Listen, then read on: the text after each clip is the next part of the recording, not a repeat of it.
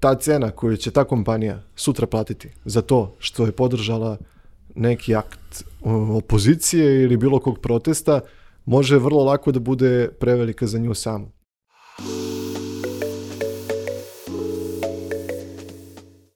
Ćao ljudi, dobrodošli u još jednu epizodu netokracijinog Office Talks podcasta. Moje ime je Marko Mudrinić, ja ću biti vaš voditelj.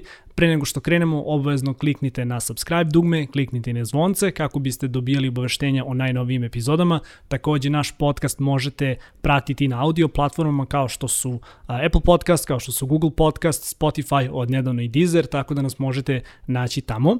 A, moj današnji gost je Nikola Parun, a, marketing stručnjak i politikolog, marketing stručnjak u a, agenciji Ovation BBDO, ako slobodno mogu kažem i moj ovaj, dugogodišnji prijatelj iz osnovne škole. Čak iz osnovne škole, da. Čak iz osnovne škole. Nikola, dobrodošao.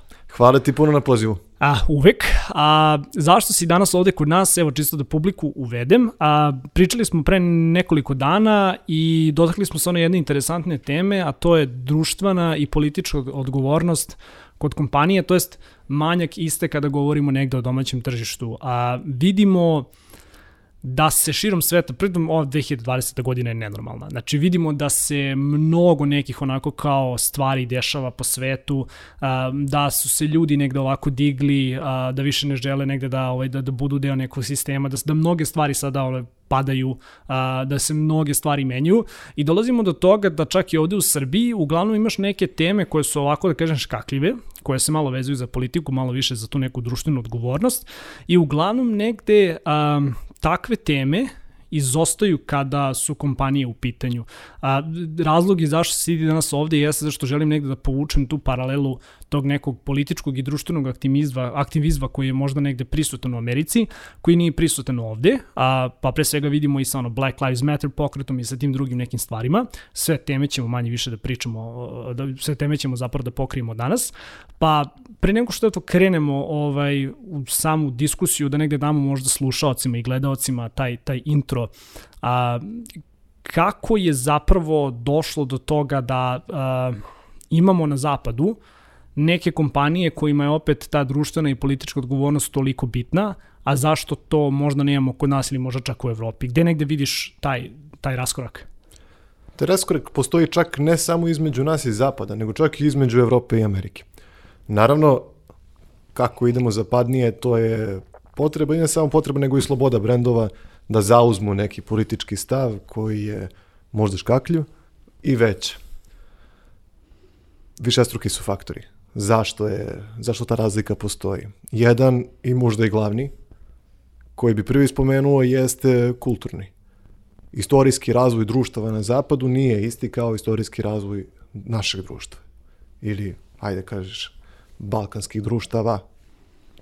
Dok se privatni sektor, biznis, na zapadu razvijao u veliko, a posebno tokom industrijske revolucije pa nadalje, ovde taj nivo razvoja je bio na vrlo niskom nivou.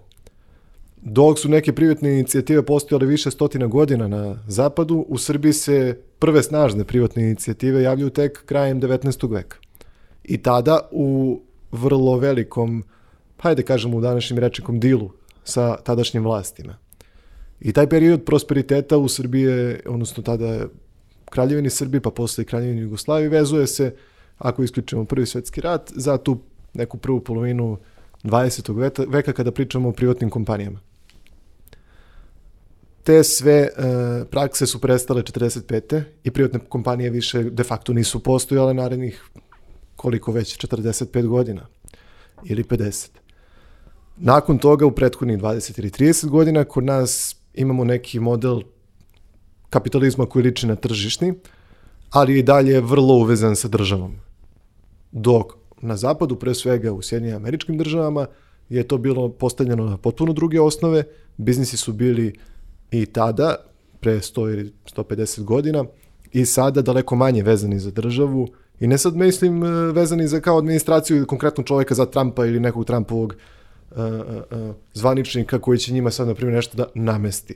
Nego, mislim u smislu toga da li njihov opstanak zavisi od toga da će politička volja onih na vlasti biti u njihovu korist. Da, znači u principu nije bitno ko sedi ovaj u fotelji, bitno je da ti ono na kraju dana ukoliko posluš imaš tu ono tržišnu slobodu da da ono donosiš takve odluke na kraju dana tržište je ono koje će te regulisati i koje će se odraziti na to da li su tvoje neke poruke i tvoji neki stavovi koje si zauzeo zapravo prihvatljivi ili ne.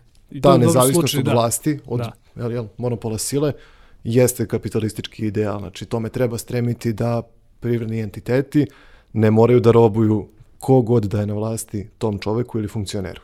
Da, dobro, svakako složili bismo se da situacija u Srbiji ovde nije idealna. A kakva je situacija u Evropi? Opet govorili smo o tim nekim razlikama, znamo da je možda ovaj, tržište Amerike otvorenije malo za prihvatanje nekih stavova. Mi u Evropi s druge strane smo verovatno konzervativniji, ali kak, kakva je situacija u Evropi? Da li tu vidimo neki ovaj raskorak između nekih izuzetno otvorenih zemalja i s druge strane, da kažem, izuzetno možda zatvorenih zemalja poput naše? Vidimo naravno i Evropa nije jedinstvena, tako. Neke zemlje u Evropi njoj pripadaju, a druge joj takođe pripadaju uopšte ne liče na ove prve. Jedna Velika Britanija i jedna Belorusija, obe su u Evropi. Tako da, opet, što je to društvo ranije krenulo u svoj progres i svoje oslobađanje i svoje postavljanje privatnih inicijativa na jake noge, to su ta društva slobodnija i kompanije slobodnije mogu da komuniciraju i to bukvalno može da se prati gotovo idealno sa zapada prema istoku, prema istoku kako se to menja.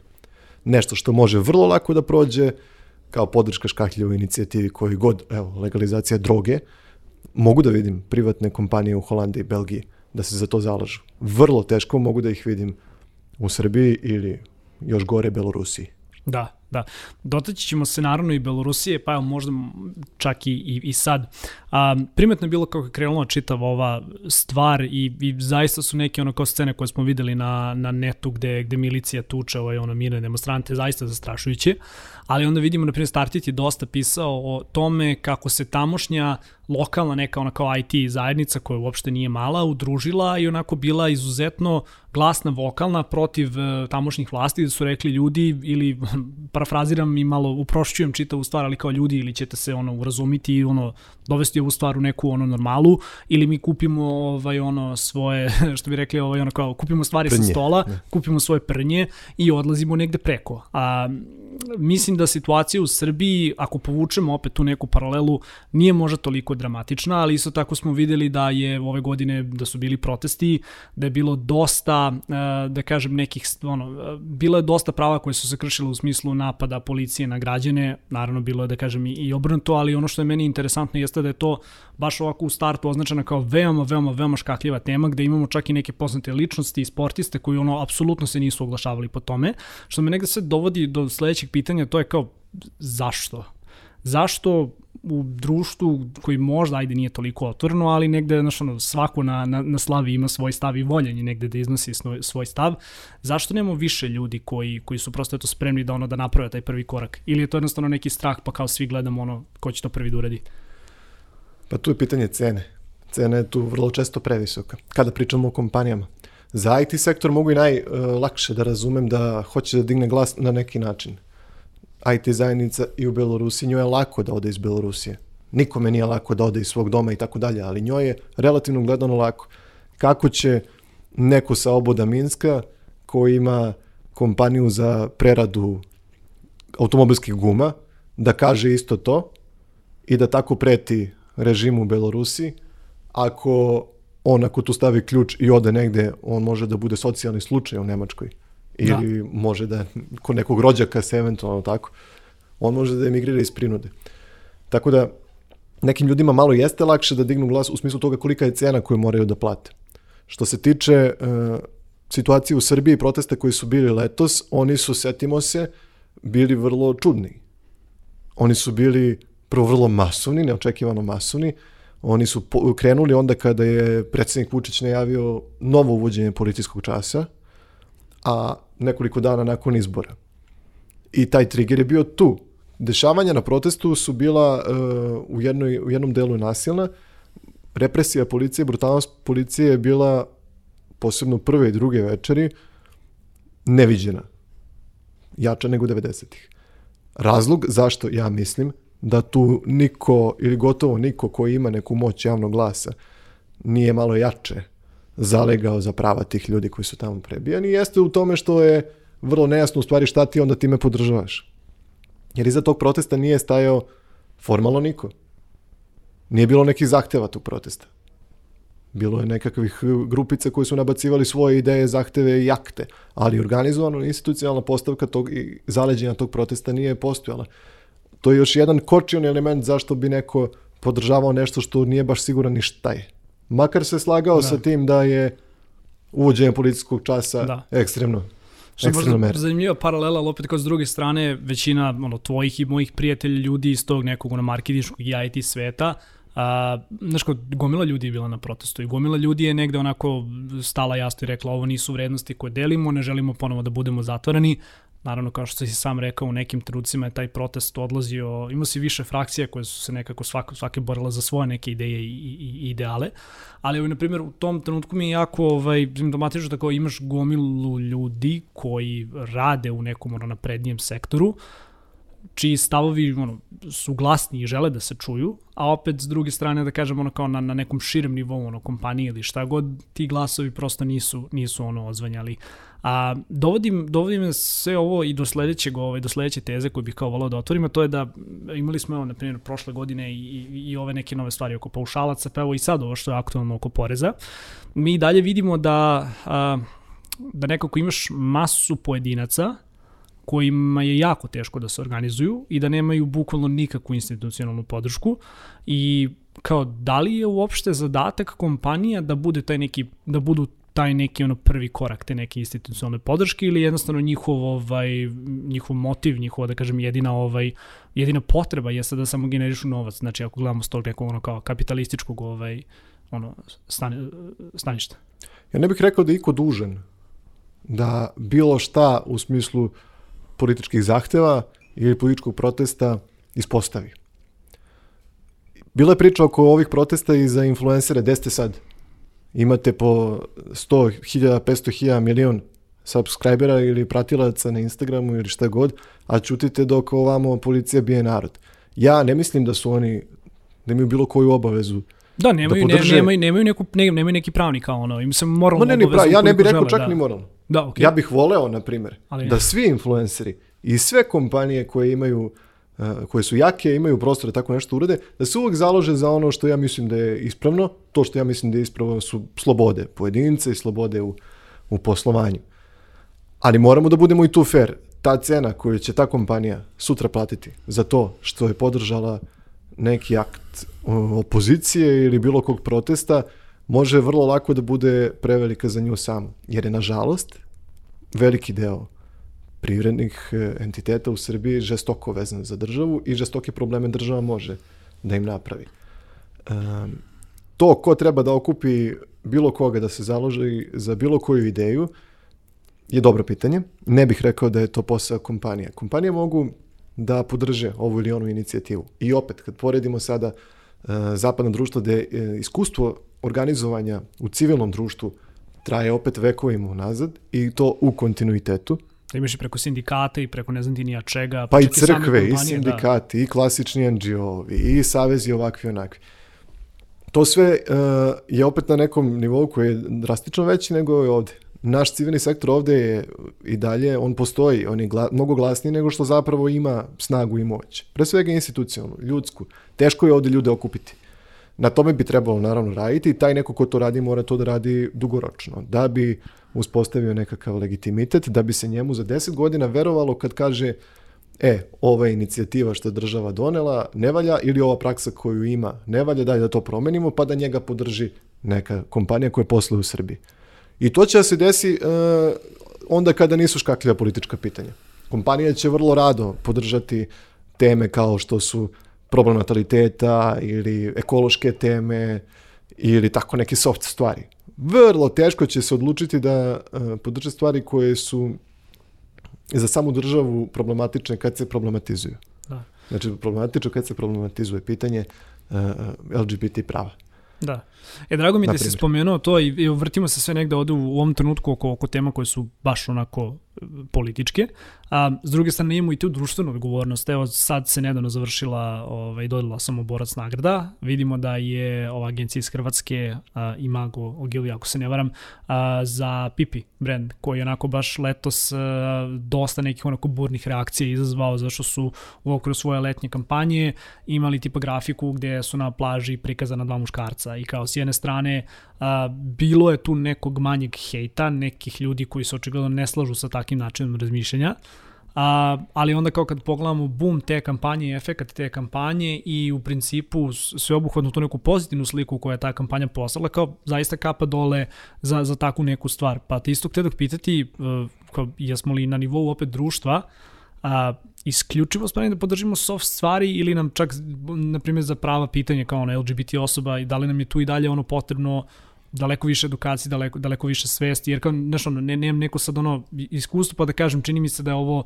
tema koja je i dalje možda škakljiva za kompanije, jer kao prosto svako od nas se ono upozno kao sa, sa takvim nekim, ono, ne mogu čak da kažem i slučaj, ali svako neko u svom okruženju ima blisku osobu koja jeste, da kažem, ono, pripadnik LGBT zajednice, ali opet ne vidim neku institucionalnu ili bilo kakvu podršku ovaj, ljudima da negde izađu sa tim temama i da malo otvorenije pričaju o tome.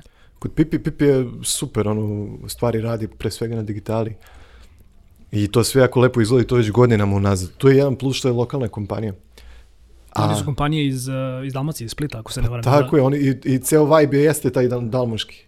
I to sve jeste u tom tonu. I te fore, jesu te malo jače fore, e, kako ovi dalmatinci vole. I uh, kad se kompanija odluče tako nešto lakše ako je lokalna nego ako je jel, franšiza ovdje da. ili, ili, ili deo globalne kompanije.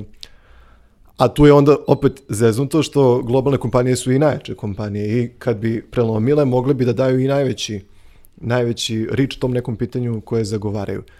Opet da se vratim, ja mislim da je prvenstveno odgovornost kompanije da napravi taj profit, da je to odgovornost prema njenim vlasnicima ili shareholderima i njenim zaposlenima i da je to preduslov da kompanija bude nezavisna i da sutra napravi neki dobar CSR, da se založi za neku političku temu ili da prosto ne mora da bude u obavezi da neke stvari prema autoritetima vlasti ispunjava. Ja mislim da bi bilo jako dobro da što više kompanija budu što solidnije postavljene tako da tome ne moraju da da robuju, jer to pre svega kvari poslovanje, drugo sprečava ih da imaju bilo kakav stav koji je širi od onoga što je njihovo usko polje delovanja i na kraju krajeva u tim kompanijama rade ljudi koji treba da odlučuju da će ta kampanja recimo da prođe ili neće. A ako najđu na takav backlash, Pipi naišao na backlash. Ali on bio, da, da, da. On je bio jak i nezanemarljiv u smislu, ja ne znam, ne bih rekao da je pola-pola, ali nije ni mnogo daleko od pola-pola koliko je afirmativno, koliko je negativno. Ima, ima i to dosta, na primjer, u tom trenutku imaš više onih, znaš kao, imaš neke stvari koje izazovu dobru reakciju, ali svi smo u fazonu, hm, ok, cool, i onda imaš drugu stranu a, kod koje su izazvane negativne reakcije, koje su samo još više ono pojačane i onda nekako imaš ovaj utisak i možda čak i neku lažnu sliku da je takvih reakcija Glasna više, manjina. zašto su glasnije. Glasna da. manjina, da. Ali htjeduh reći za ovaj, u mnogim kompanijama, koje pre svega globalnim multinacionalnim kompanijama koje posluju i u Srbiji i u drugim zemljama, to bi bilo previše. To bi bilo previše. I daleko manje stvari, i daleko manje burne reakcije, i daleko manje hrabre kampanje bi bilo baš previše. Jer je jednostavno sistem često tako postajan, ti moraš da odgovaraš nekome za to. Što da. smo dobili negativan PR? E da. pa zato smo dobili, mislim, zato što da. to jeste stvarno cena, to mislim, to mora da se kaže. Cena uh, nekih hrabrih poteza jeste da se dobije i negativnog PR-a i negativnih reakcija.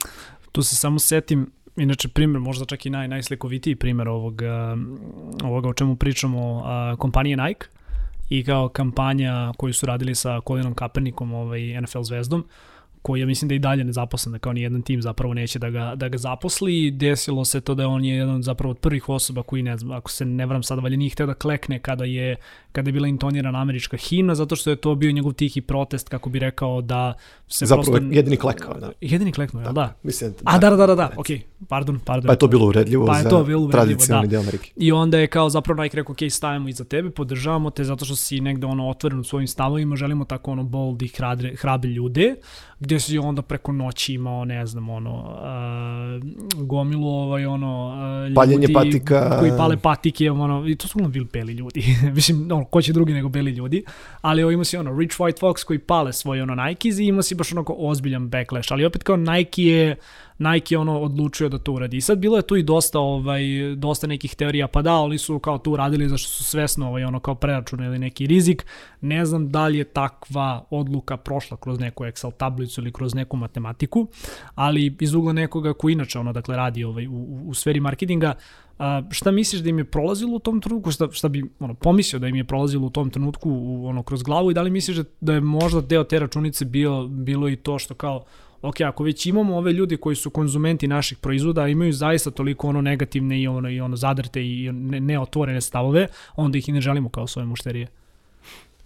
Kod e, tog slučaja je interesantno da je pozicija koju Nike zauzeo nije baš bila najhrabrija pozicija na svetu i podržavati taj pokret je uh, u redu je, sve ok, ali nije to, uh, nisu to stavovi koji zastupa 3% ljudi ni 5%, ni 10%. To su stavovi koji zastupa 50% Amerike.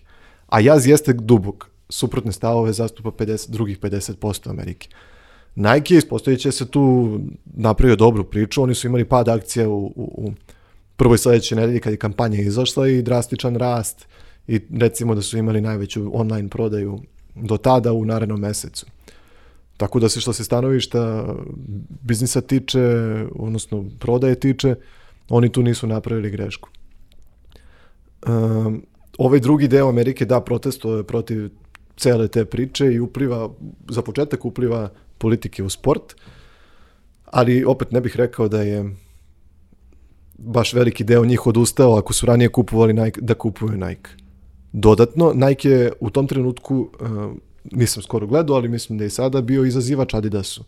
I to je još jedna važna pozicija. Nike se tad ako se i kocka, ne kocka sa vrhom na kom je, nego sa tom jel, drugom pozicijom da napadne onog ko je najjači. Što je jedan model kako se u biznisu ili u komunikacijama e, entiteti takmiče. Da. Oni ko je malo manji, oni ko juri, ko grize, taj može da bude i malo slobodni. Burger, Burger King versus McDonald's, te kampanje su uvek jel, primeri za Da, i uvek, uvek se Kejsovi koje treba se, gledati kako se tu, jel, kako da. treba da, da ga šukneš, što se kaže, svom konkurentu i rivalu. Da, a bilo je jako interesantno kada je opet krenula čitava ova, ako se ne varam, to je baš 2020. godine, ovaj, kada je ponovo krenula još jača ova kampanja za, za Black Lives Matter, imao si čak i u jedan tweet uh, koji je postao bukvalno kao antologijski, gde da se Nike uglasio, pa je Adidas retweetovao ili tako, ali tu vidimo opet ono da kažem jedan ono spoj dve kompanije koje jesu ono na, na različitim nekim stranama, što bi rekli ono Amerikanci, ono opposing sides, ali opet znaš kao negde se vidi taj ono camaraderie, negde se vidi ta, ta društvena odgovornost prema, prema tom čitavom pokretu. Pa kada već govorimo o tome, pošto je to verovatno jedna tema koja u ovom trenutku najviše polarizuje i samu Ameriku, što zbog predsjedničkih izbora, što zbog svega druga. Vidimo da su čak i velike teh kompanije na tapetu. Evo, baš nedavno je bila priča na Twitteru gde su ono kao ljudi sprovodili eksperiment, gde zapravo um, Twitter sam uvek nekako fokusira na bela lica kada su na fotografiji, a ne nužno na, na, na, na crna lica, to na, na, na, ovaj, na, na crnce na, na fotografiji, što je bilo onako jako konfuzno, pa je onda i Twitter izlazio sa obaveštenjima kako ne znam. Ovaj, tu ima tih preterivanja, da. posebno u američkom društvu, taj diskurs eh, političke korektnosti je baš dosta jak i sada je već godinama unazad je predominantan. I onda se često desi da i brendovi, i kompanije i javne ličnosti budu u problemu i da moraju da se opravdavaju za nešto što nije zaista e, pa rasizam, nije da zaista. Kažem. Da, znači, da, to da. treba povući jednu da. liniju. Ima Jedno si, je izinačavanje neke... prava i to je, to je ideal koji svi treba da težimo. Svi imamo jednaka prava i što veće slobode. Druga priča je potpuno kada na osnovu navodne ili stvarne problematike sa rasom, polom ili bilo čime trećim, praviš jedan pokret koji služi sam sebi u stvari. I u konačnici čak ni ne pomaže onom etnicitetu, rasi ili e, seksualnosti za koji se nominalno zalaže i za koji nominalno traži neka veća prava. Da. A isto tako se. Mislim, zbog backlasha, zato što da, se da, pravi da, da, ta polarizacija. Da, da. Pa evo i backlash isto tako bio za ljudi koji su negde, negde, negde izašli, našo kao gomila glumaca, pevača, umetnika, artista i negde kao podržalo Black Lives Matter, ali su podržali onako krajnje da ne kažem preko one stvari. Da, A, i to, se to treba da se uradi, opet, da, pa da, ajmo da uradimo to. Da, da, da. Da, da. Opet kažem, znaš, I to je malo drugačije. I američko civilno društvo je drastično drugačije. Onda su i očekivanja od učesnika tamo, a javne ličnosti to jesu, javne ličnosti to jesu, malo i veća. I posebno što je tamo, opet da se vratimo na ovu Nike-ovu kampanju, uh, tih 50% ljudi koji je podržalo priču su takođe i 50% ljudi koji pripadaju ipak platežno jačoj ciljnoj grupi. Dominantno. I onda je pitanje u stvari da li, si ti tu, da li su te dve strane stvarno te dve strane. Da je ti 50% i ti 50%. Dok Kaepernick Nisu, da. ovamo potpisuje ugovor za ne znam koliki je, koliki god daje, ono, Bog mu sreće dao, sa Nike-om koji je multikompanija, ovo, ogromna i tako dalje. A ovamo su stvari niži slojevi se kolju oko same teme. Da. Pa, možemo to i na to da okrenemo ako već pričamo o nekom moralu. Zato kažem, treba i svaku tu temu i svaku kampanju treba obraditi sa više strana. Nije samo pitanje prodaje profita. Nije samo pitanje backlasha i negativno pozitivno PR-a. Nije samo ni pitanje same teme i politike, nego je to pitanje svega toga zajedno. Društva, tako reći. Pa Da. u krajnju ruku i društvo. Dođo smo, dođo smo i, da, i do jedne jako zanimljive teme, mislim, pričali smo već ovo u jednom podcastu, bio je ovaj gost Goran Jakulovski iz, iz Žiške, cancel culture, ili ti ta kultura otkozivanja, negde se nužno i, i uvezuje uz, uz, uz, uz ovu čitavu stvar. A, ne znam da li je to samo ovaj, ono, još jedna od stvari koje, koje je ova godina iznedrila, ali čini mi se, to je, ono, prividno je možda da sada imaš uh, pojedince, grupe ljudi koji su negde možda svesniji svoje moći na društvenim mrežama da preokrenu kompanije možda neka njihova razmišljanja ili ako ne da ih preokrenu da ih možda negde ono uključe ili da ih podstaknu da se uključuju i da negde onako prosto ne budu samo nemi posmatrači sa strane nego da se uključu u neke ono društveno, društveno političke teme. Primer toga je naravno i dalje Amerika, vrtimo se u ovom delu podcasta oko, oko nje, verovatno su i najsvetliji primjeri ovaj, toga, ali da li si se ti malo bavio kao proučavanjem te ono cancel kulture, koliko je zapravo ono efikasno u tome, a koliko je zapravo, da kažem opet nefer, jer kao ako si kompanija koja možda nema ono nekakve izražene političke stavove, niti želi da ih ima, imam i ovde jedan jako dobar primer ovaj, jedne IT kompanije, koja je na primjer napustila kao gomila ljudi zašto nije htjela društveno da se angažuje, koliko je to onda iskreno kao fair prema tebi kao biznisu, jer opet s druge strane imam taj utisak da su negde ljudi sad kada su otkrili ono cancel culture, prosto postali svesni, hajde sad da, da, da otkažemo sve, da se bukvalno da, da prosti publika, nam se da mi YouTube neće demo, demonetizovati zbog ovoga, ali hajde da se poseremo po svemu. A, ja imam takav utisak opet s neke druge strane ako, ako gledam. To je negde nastavak ovoga ili još jedan segment ove priče o političkoj korektnosti koju sam pomenuo ranije. Mi smo u Srbiji ove godine svedočili tom prvom slučaju javnom, jel, cancelovanju influencera. Ili je to bilo kraj prošle godine? Ne, baka prase. Da, da, da. ove bilo je godine ove godine. Ove godine. Ove godine baš dosta ova godina, dugo traje, Ova godina no, neviđeno mnogo dugo dugo traje. traje, kao, kao da su tri godine prošle, da. Ali bukvalno kao da su tri godine prošle. I to je prvi slučaj, kažem, javnog cancelovanja. Dešavala se serija slučajeva gde su javne ličnosti zbog eh, svojih privatnih stavova ili stvari koje su učinile prosto tiho cancelovane. Dakle, nije im produžen ugovor ili ugovor sa njima raskinut. Uh, Cancelovanje bi trebalo da bude, ili kako već otkazivanje, kultura otkazivanja bi trebalo da bude proizvod eh, pritiska društva da ne može baš sve da se priča u javnom metru samo zato što si jako popularan. Što, kažem, super, sve pet, naravno, može, međutim u praksi često može da se desi da to ode u svoj ekstrem. I da onda ne može gotovo ništa da se priča, a da je naiđeš na masovni, masovni backlash jednog dela društva koji, kažem, najčešće nije ni e, dominantan u smislu broja, Ali je glasan. ali jako glasan. Ali jako glasan. Tako da tu opet treba tu malo onako i nivelisati kada je, kada je baš previše. Nekad jeste. Ovo je bilo previše. Da.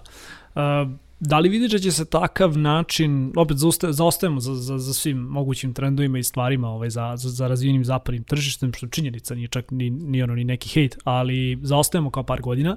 Da li vidiš da će se takve neke forme vršenja pritiska primjenjivati u budućnosti kod nas ili misliš da je to možda jedna stvar koja će nas čak i zaobići? Mislim da nas neće zaobići u potpunosti, ali ne verujem da će otići u, u taj ekstrem o kojem sam malo čas govorio, prosto jer kao društvo nismo takvi. Drugo, mi smo malo tržište i mala zemlja. To je tih 7, nepunih 7 miliona ljudi ovaj, i to tržište koje imamo i taj GDP od ono 45 milijardi eura, to je jako, jako malo tržište i jako je tu malo prostora.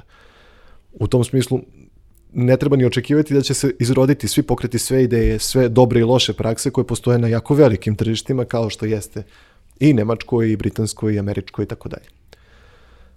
Ne znam da li da kažem da se nadam da će to tako biti, jer ono što vidimo na, u stvarnosti zapravo masovni glas, ali je uh, nedelatan, koji bi bio sličan cancelovanju ili cancel momentima i fenomenima je zapravo nacionalistički.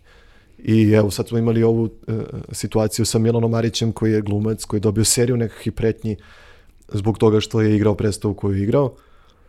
U nekom drugom svetu, kada bi ti glasovi bili strukturirani ili ne znam, ne, na neki drugi način postavljeni, to bi bilo cancelovanje Milana Marića, ali ne na teme koje su progresivne, nego na teme koje su hipernacionalističke. Da, koji su potpuno ono, drugi, drugi kraj spektra. Da. A, da. ne možemo i da kažemo da ta grupa ljudi treba da ima manje pravo nego ova grupa ljudi koji je, koja je mnogo glasnije i bolje to radi. Tako je, da. A koje će te canceluje zbog ono šta god da. loših stavova prema manjinama ili ženama ili tako dalje. Da, mnoge mnoge su teme ovde ono zaista škakljive u kojima se kao svetu potpuno otrno priča, ali dobro. A, nadam se da ćemo doći do do tog nekog trenutka jednog dana. A sad moje pitanje se odmah nadovezano na to kako da radimo na tome. Uh, dugo godina se znamo, pratim i tvoj, da kažem, politički rad, zato si na, na kraju danas i, i ovde u emisiji. Ako bi morao da nam otkriješ ili da nam onako na jedan jako plastičan način prosto objasniš koji je neki model da možda kao društvo, kao pojedinci, da se više aktiviramo na nekom možda manjem lokalnom nivou, jer zašto te ovo pitam? Uh, kad sam živeo preko u US-u, imao sam... Da Mislim da kažem, da ćeš da kažeš u Zemunu. U Zemunu sam živeo, sad, sad sam preselio na Voždovac, ali ovaj, da, pazi, na Preko, Zemunu si, da. i na Zemunu si vole, u Zemunu si uvek imao ekipu koja se ono okuplja na klupici, koja je predstavila neku ono lokalnu, lokalnu ekipu i lokalnu ono ekipu donosioca odluka. A ono što mi je bilo jako fascinantno u SAD-u jeste što tamo, ok, naravno, ono, imaš uh, neke ono globalne politike i ne znam ti nije šta, ali opet imaš kao neke ljude koji se ono bave društvenom odgovornošću u okviru sobstvene zajednice. Ja ne vidim da se to ovde dešava, volao bih da kompanije možda malo više porade na tome, da to ne bude samo još jedna CSR stvar koja će se raditi da bi se okačio PR na ne znam ti nijakoliko medija i onda da se uzaše stavlja obilista na 10 portala, nego da to zapravo donosi nekog efekta. Pa sad moje pitanje, iako su ovo tri pitanja u jednom, ali ovo, moje pitanje je podjedan kako ti misliš da se mi kao društvo u tom nekom ono, smislu uh, možemo razvijeti, da se možda više radi na nekoj ono, diskusiji, na argumentovanoj diskusiji, na uključivanju diskusije, a ne samo na pretnje i na, i na fizičko nasilje. I da li vidiš tu možda priliku za kompanije da, ok, ako već ne možete se zaangažujete po pitanju svih mogućih političkih ono tema koje su jako uzavrale ovde u Srbiji, da li onda makar na toj društvenoj odgovornosti treba da radite na način da ona ipak ima malo više efekta i da ono otvori neka poglavlja, pa makar ona bila i na kraju dana LGBT? Apsolutno, ja mislim da uh, svi treba više da se uključujemo u društvena pitanja ili pitanja koje su vezane za ljude oko nas, zajednicu u kojoj živimo i tako dalje. Opet, mi možemo da pričamo do duboku noć o institucionalnim, istorijskim, sociokulturnim razlozima zašto u Srbiji nije baš kao u Americi, gde svaka treća kuća je u stvari mikroudruženje građana. Pa da li za taj kvart, da li je to ono baptistička crkva, da li je to hipi komuna ili je ljubitelji oružja. Svako je negde uključen, jer jednostavno to je, takvo je društvo. Da. Takvo je društvo. To kod nas neće biti tako i treba sa time da se ljudi, pomirimo. Ljudi se okupljuju oko klubova, to ovde ne postoji. Da, da. kao kako social clubs, kao what? Ovde imaš i to da su ljudi naviknuti na državizam, sve će država ti uradi, da ti napravi ulicu, da ti posadi cvet, da ti promeni cevi u amo, da ti organizuje kulturni događaj i tako dalje. Pa sad kad malo vidimo da to baš ne ide tako, niti je realno ikad išlo na, dobro, na dobar način, onda se malo su se uspostavili malo veći nema malo veći broj nekih ljudi koji se okupljaju oko bilo koje ideje. Za kompanije ja uvek apelujem da kompanije učestvujete u društvenoj zajednici, poboljšajte društvo na svaki način koji možete. Bio to LGBT uh, issue, fenomen, kako već prava tih ljudi ili ekologija. Samo napred cepajte i organizujte tu zajednicu pre svega koja je oko vas. Ako ste na Novom Beogradu, evo vam tamo 25. blok, 24. blok, nagađam, idite od kuće do kuće, imate čoveka, konsultite se sa upravnicima zgrade, dajte da se nešto uradi konkretno. Jer često u CSR planovima imamo kao, e, ajde ovo ćemo, štikliramo, ovo ćemo doniramo, ovde ćemo da ide pa sponzorstvo pa se, i što je sve da, super i hvala Bogu se neke što to ono postoji. Već, da. Mislim da, ali čekiraju se neke stvari koje su jako bland, znači ono naš kao, uglavnom je to, mislim, kao što si rekao na početku, ali uglavnom su to neke stvari koje, znaš ono, koje neće izazvati negativne reakcije. Natalitet, e, možda malo ekologije, možda nečeg drugoga, kao je poziv da se aktiviraju i po pitanju drugih nekih stvari. Why not? neka sam ne, znači to već ne bi bio spreman da kažem da, uradite to. Znaš, kao da, izađite na protest protiv vlasti, koje god vlasti. To ne bi spre, smeo da savjetujem bilo koga, zato što nije moj novac u pitanju njihov je i njihove koža u igri, što kaže Taleb. Ali, ipak, heroji su oni koji naprave taj jedan korak napred. Da. I koji možda na neku temu koja, evo, ne mora da bude legalizacija heroina, ali može da bude, na primjer, legalizacija istopolnih partnerstava. Ta prva neka kompanija jača domaća koja bi to rekla, još po mogućstvu ako je tradicionalnija, pa ja mislim da bi to moglo lepo da se upakuje i da napravi jedan veliki boom. Ili legalizacija trave, što je ono, jedan, ono, možda, možda, nije, da. možda nije toliko ono hot issue, zašto ovo nije podcast Joe Rogana pa da, ovaj, pa da pripalimo sada ovde, šalim se. Ali ovaj, da, mislim, i to ti je jedna stvar koja je ovako dosta, znaš kao... Ali ne, ali mislim, postoje, evo i legalizacija, na primjer, marihuane. Da. Postoje pozicije gde kompanije mogu da, na, na, ne mora to da izgleda kao festival narkomana, naprotiv. Jer marihuana ima sva svoja uh, dobra dejstva i sve aspekte toga koje M pomažu što se tiče THC-a, odnosno kanabisa, pomažu ljudi, ljudima koji su ozbiljno oboleli. Druga stvar, u Srbiji se kupuje ne znam koliko, 10-15 miliona kutija bensedina godišnje. Da. Mi sad ulazimo u, u, COVID zimu. Zašto da ne? Da. Pritom, znaš kao, govori, govori mi jednoj stvari ono da se, da se zaista ne lažemo, znači pričamo otvoreno, tako nam je, tako nam je politika ovde u podcastu, ali znaš kao, govorimo i jednoj stvari koja je veoma prisutna u nekim našim krugovima a, i govorimo o stvari znaš, koje čak i ono, ljudi po kompanijama to krajnje otvoreno ovaj, radi i konzumiraju. Znaš, I onda kao, naprimjer, vidim i tu prostor za jednu kompaniju da možda malo, no kažem agresivnije, ali da možda malo jače, ono, vokalnije izađe sa nekim temom i da kaže zalažemo se za ovo, smatramo zbog toga i toga ili naš kao ono, makar ono, da se otvori ta diskusija u tom nekom smeru to je ono što iskreno meni lično nedostaje ovde. Svađamo se na Twitteru i svi se raspaljamo na Twitteru i, i to je bukvalno ovaj ono to je jedna posebna olimpijada. Niko tu nije pobednik, ali znaš kao, ostalo mi je da je to možda još jedini kanal gde možeš da dođeš do neke kao smislene argumentovane diskusije. Često nije, ali možda, možda jedini.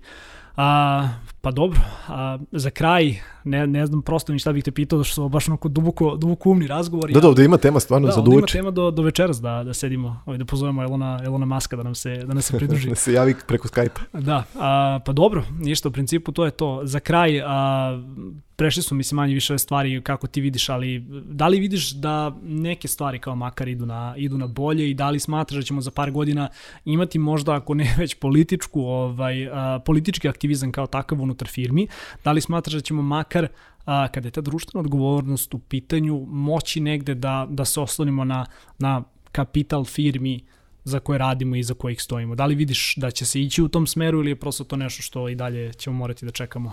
Nadam se da ćemo ići u tom smeru, plašim se da nećemo dovoljno brzo ići u tom smeru. Razlog tome jeste što su što privatni sektor dosta zavistan od države. I cena nekog radikalnijeg bavljanja bilo kojim pitanjem koje je društveno može da bude jako velika.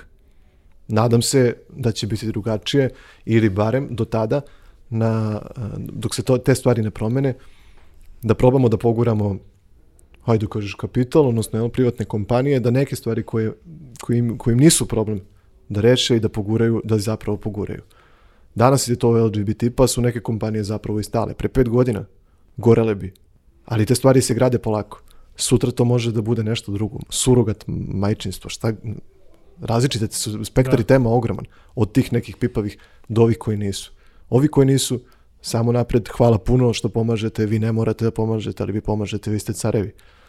Ove neke skakljivije, ajde malo da je gric po gric. Gric po gric. Dobro, ajde, nadamo se, nadamo se da, će, da ćemo ovaj, videti to u, u narednim nekim ako ne mesecima, onda godinama. A, Nikola, hvala ti puno što si bio ovaj, moj gost danas u, u Office Talks podcastu, toliko se dugo znamo, mislim evo i mi smo relativno novi u ovoj priči, ali mi je drago negde, negde da si na početku ovaj, a, ove stvari. A, moraš nam doći ponovo, verujem da je ovo svakako, da su ovo teme o kojima ćemo govoriti ono još dugo, dugo, dugo godina, Tako da ovaj Da da možemo si... pravimo kvartalne preseke da, da vidimo ono šta je urađeno umeđu da vremenu. Što da ne, što da ne. Ovaj radujem se tome. A tebi još jednom hvala što si što hvala si bio danas na sa nama. A dragi slušaoci i gledaoci, naravno još jednom kratak podsetnik, ukoliko još uvek niste, pretplatite se na Netokraciji YouTube kanal kliknite na zvonce kako biste dobili obaveštenje, da, kliknite na zvonce kako biste dobili obaveštenje o najnovijim epizodama. A, takođe, Office Talks podcast možete pratiti i na audio platformama dok se vozite, dok ovaj, odlazite na posao. A, prisutni smo na Apple podcastu, na Google podcastu, na Spotify, odnedano i na Deezeru. A, svi opisi su u linkovima a, ispod ovog videa. A, ako nas slušate na audio platformi, onda ne morate zapravo da, da, da ovaj klikćete na video. Toliko od meni i od Nikole danas. Vidimo se naredne nedelje. Ćao!